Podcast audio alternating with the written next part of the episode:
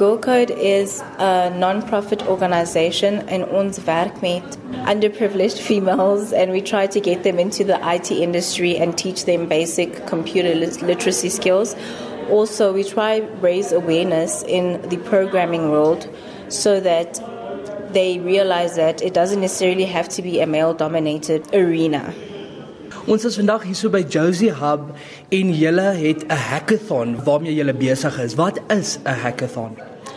A hackathon is basically 30 hours of non-stop programming and ons het studente and just people who are also in the IT industry, not necessarily qualified IT people, but anyone who's just interested in coding.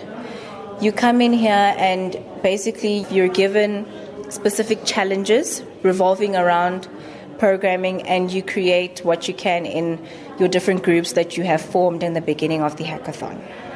Watter soort programmering doen die kandidate en hoekom is dit so belangrik om vir hulle hierdie vaardighede te leer? Dit is belangrik want with the shortage in the IT industry of females so we're just trying to close that gap of the whole male dominated industry. Because a lot of females are very capable of being very successful programmers and they just get so intimidated by all the males that surround them and they feel that they can't make it in the IT industry. The sort of web programming that we're doing today will be web based and also application based.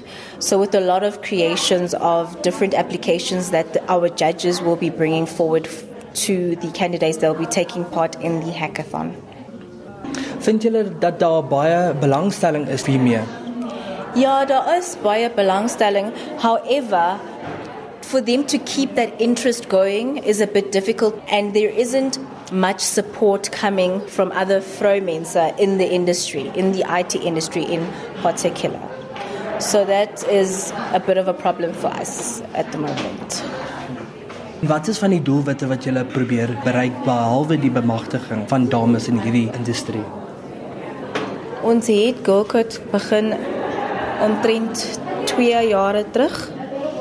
And our aim was also to provide basic computer literacy skills for underprivileged females in the townships to help them get jobs in the work industry because now with the world moving towards more um, technologically advancement, the people in the townships who don't have computer literacy skills are being left behind and therefore cannot get any work. So we were just trying to help them to get those basic computer literacy skills so that they can get their foot in the door and actually start making an income. Is dit net meer van 'n leerskool of kry julle ook mense hierso wat hulle mentor en vir hulle wys wat presies om te doen? Ons het mense wat hulle uh, mentor. Uh, they give them advice as to how to go about in the industry. Also to also help them with the challenges that we've presented them with today.